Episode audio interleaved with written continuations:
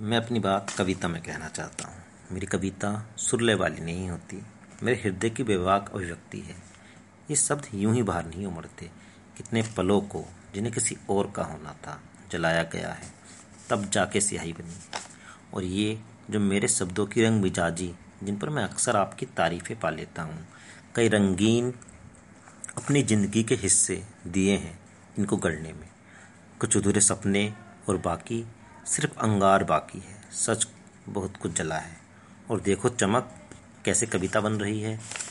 मैं कहना चाहता हूँ आपसे, कोरे सपने आपके वजूद को खोखला करते हैं। आपकी जिद, आपके हौसले ये हैं जो आपके मुकाम को तय करते हैं। असहमति जताते हो, नए रास्ते सोच पाते हो, अपने अंतस की भड़ास सबको सुना पाते हो। तो हो युवा, ज़िंदा हो, नहीं तो सभी मूर्तियों को हार नहीं मिलते हैं। कुछ को मिलती है परिंदों की बीट और कुछ के हाथ, कुछ के नाक नहीं मिलते हैं। बस आज के लिए काफ़ी है। आपको अपना पता बता देता हूँ। लिख लीजिए, उम्मीद है कि आप मिलेंगे, खत लिखेंगे। तन्हाइयों का सरोवर है, यूँ तो भयंकर बिराना है, अंधेरा है। ख्वाबों के तेल से जलता दिया जला मिलेगा। डर लगे तो ठहर कर पुकार लेना। बस इसके पास ही मेरा मकान मिलेगा। आओगे ना? लिख लीजिए मेरा पता। बेतरतीब रंग बिखरा मिलेगा, कुछ सपने सजाने को यूँ ही ब्रश चलाए थे।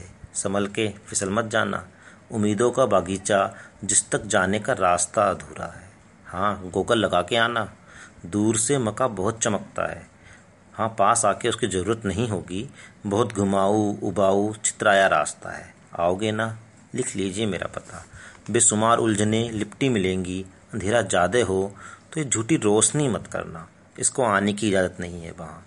जैसे हो, वैसे ही चले आना। बिना मुखुटों के मका आपका ही है। कुछ वक्त साथ ज़रूर लाना। मैं मिलूँगा। आपको दिखाऊँगा यादों की लाइब्रेरी। आपसे जुड़ा हर पन्ना ताज़ा ताज़ा पड़ी खुशबू से भरा मिलेगा। ज़्यादा, तकल्लुफ़ की मुझसे उम्मीद ना करना।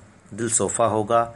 मेरी बातों की चाय, यादों की नमकीन और स्वागत में मेरी मुस्कान। आओगे ना?